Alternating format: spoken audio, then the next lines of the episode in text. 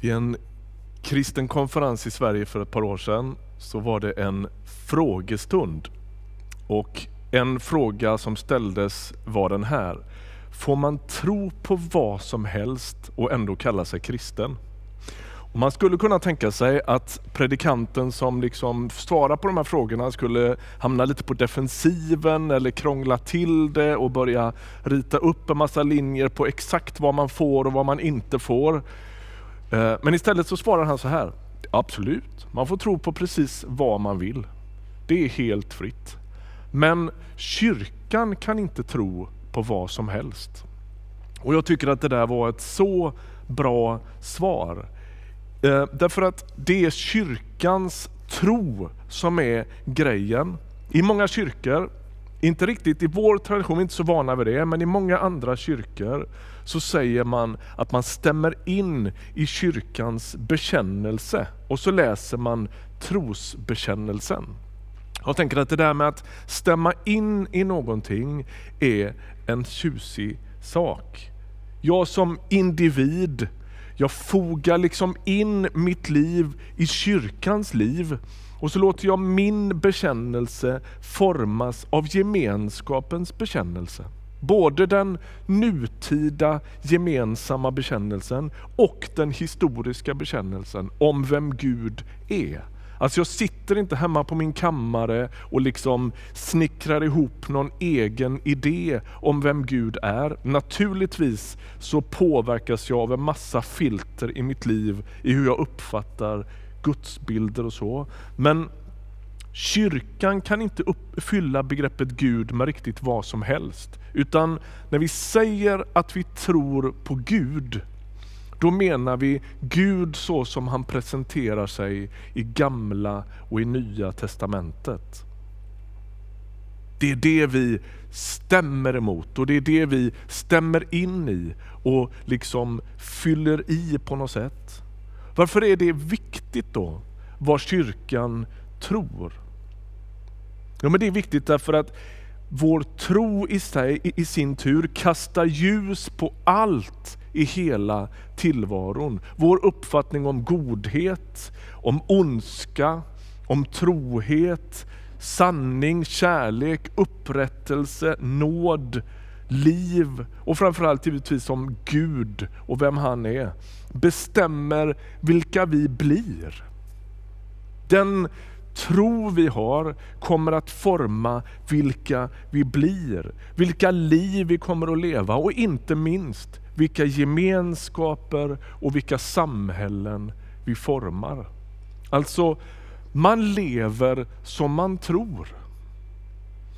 Och, man, och då kan man ju tänka så här, nej men gör vi verkligen det? Det finns väl massvis med exempel på att vi inte lever som vi lär eller som vi tror. Ja, men jag tänker att vi lever som vi djupast tror.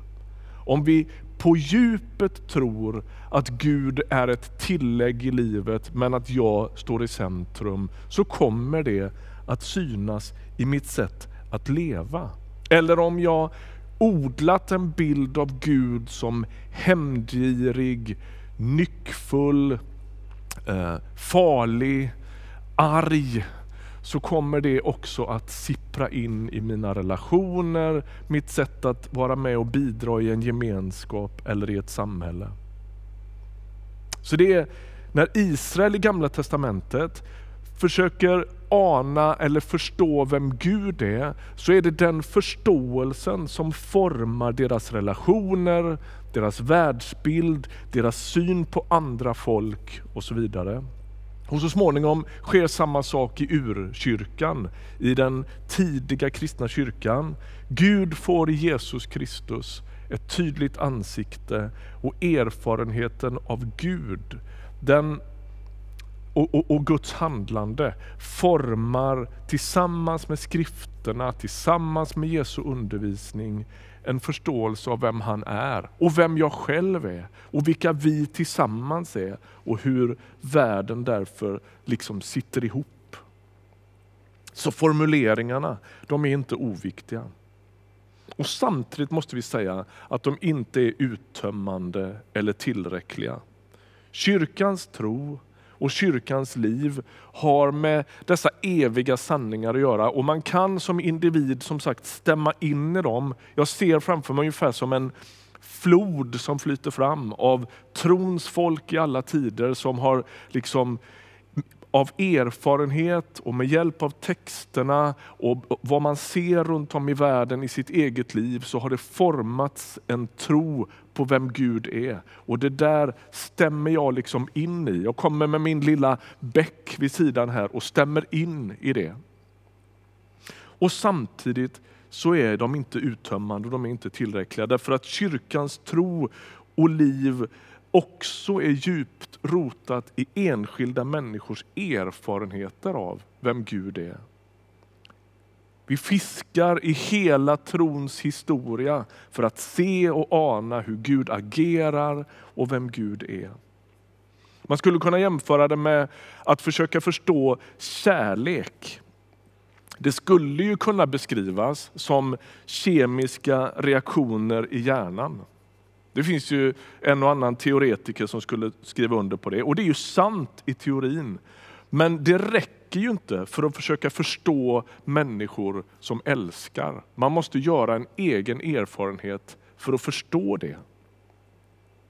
Eller den som analyserar ett notblad och musikteori har ju på ett plan liksom närmat sig musik och ändå inte.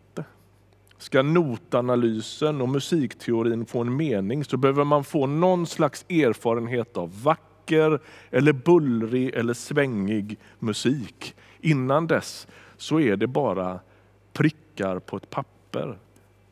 Så det finns en slags dubbelhet i det här. Å ena sidan stämmer vi in i vad kyrkan alltid trott och alltid lärt. Å andra sidan så filtreras det också genom en egen erfarenhet av samma sak.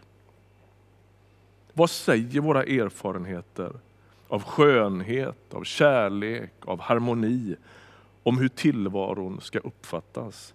Finns Gud där? Eller är allt bara en endaste mix av omständigheter och kemiska reaktioner? Det är frågan.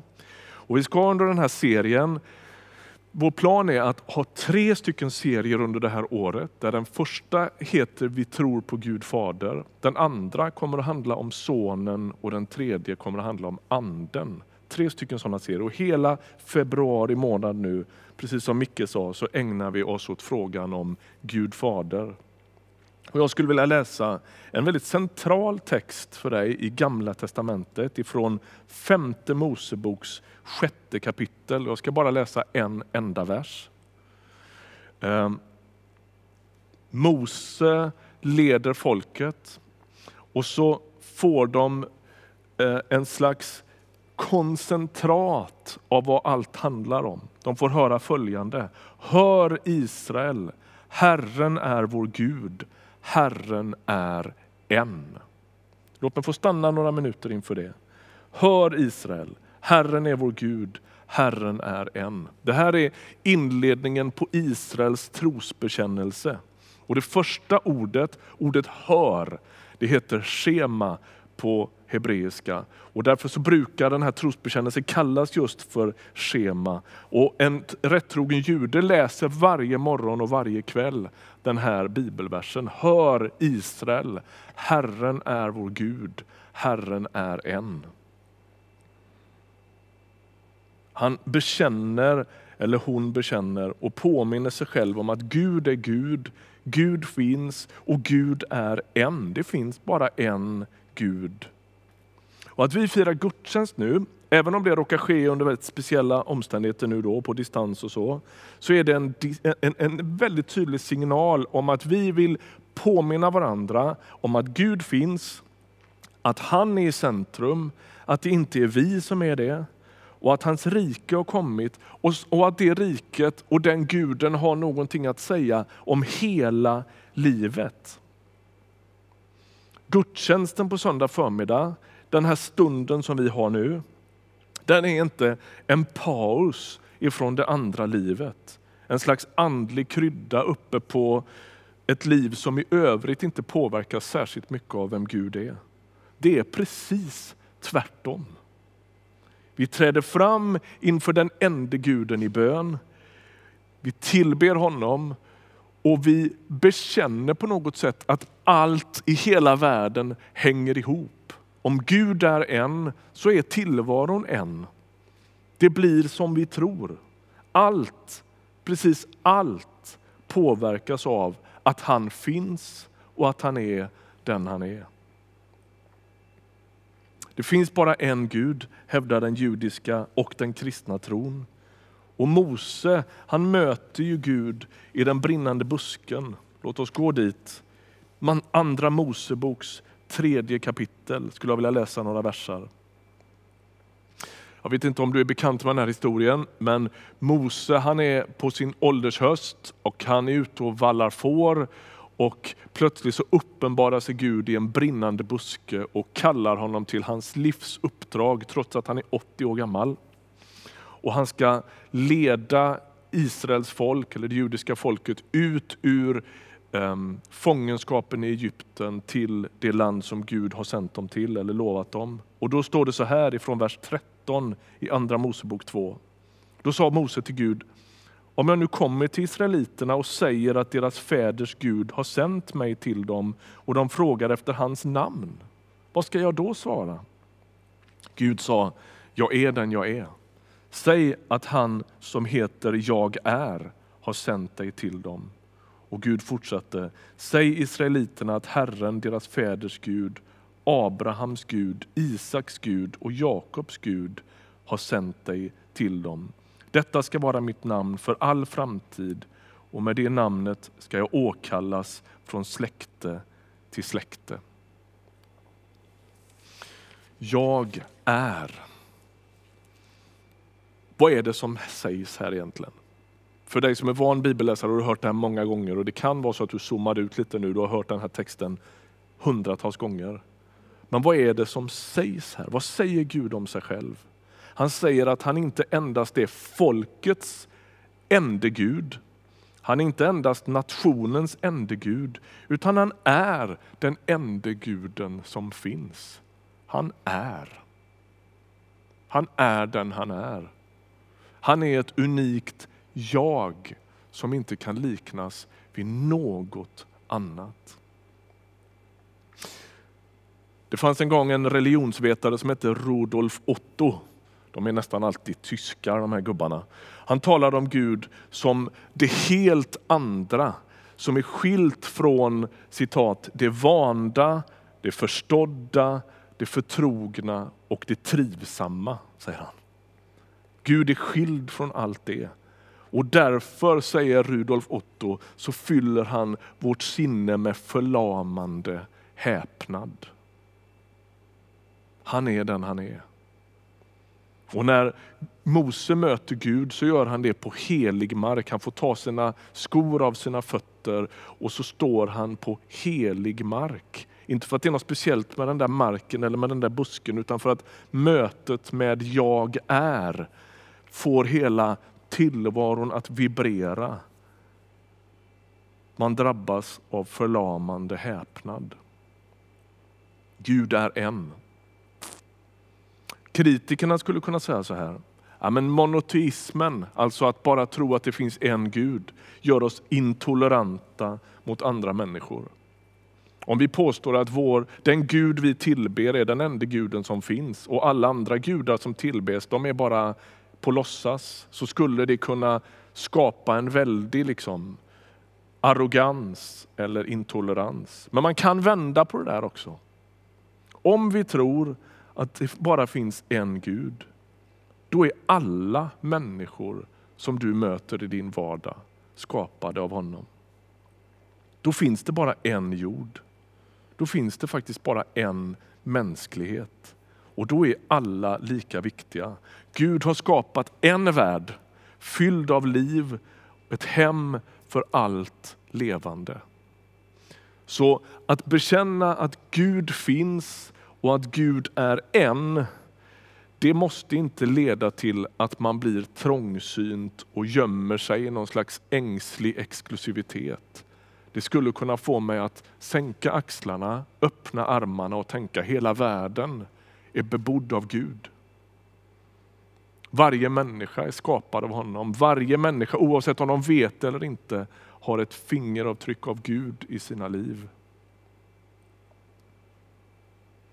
Avslutningsvis, om det här är sant, alltså det är ju på sätt och vis ABC idag. Vi tror på Gud. Men tänk vad, vad svårt det är att liksom orientera sitt liv efter det. Om jag fick ge dig tre stycken slutsatser av det så skulle det bli de här. Du har inte skapat Gud, men han har skapat dig. Gud är inte buren av dig, men du är buren av honom. Gud behöver inte dig, men du behöver Gud. Han cirklar liksom inte runt ditt liv som en ängslig betjänt, utan det är tvärtom. Han är tillvarons centrum och vi bärs av honom. Vi uppehålls av honom. Vi lever för att han finns. Om han tar sin hand från världen så finns världen inte mer. Gud är. Och allt blir till i hans blick. Låt oss be tillsammans.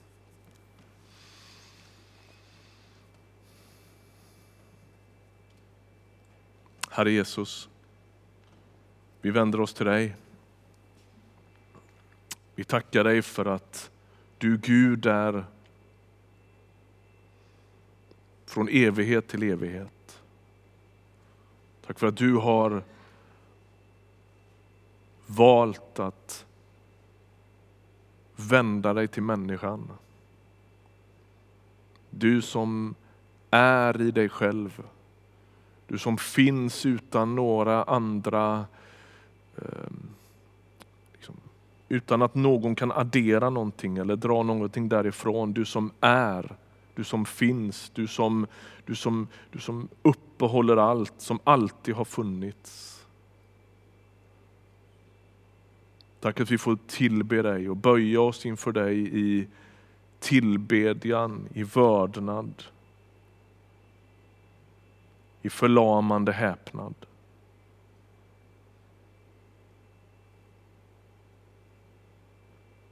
Du är så oändligt annorlunda mot vad vi är. Tack att du finns. Tack att vi får tro på dig. Tack att vi får tro att det finns en enda Gud som håller samman hela tillvaron. Amen.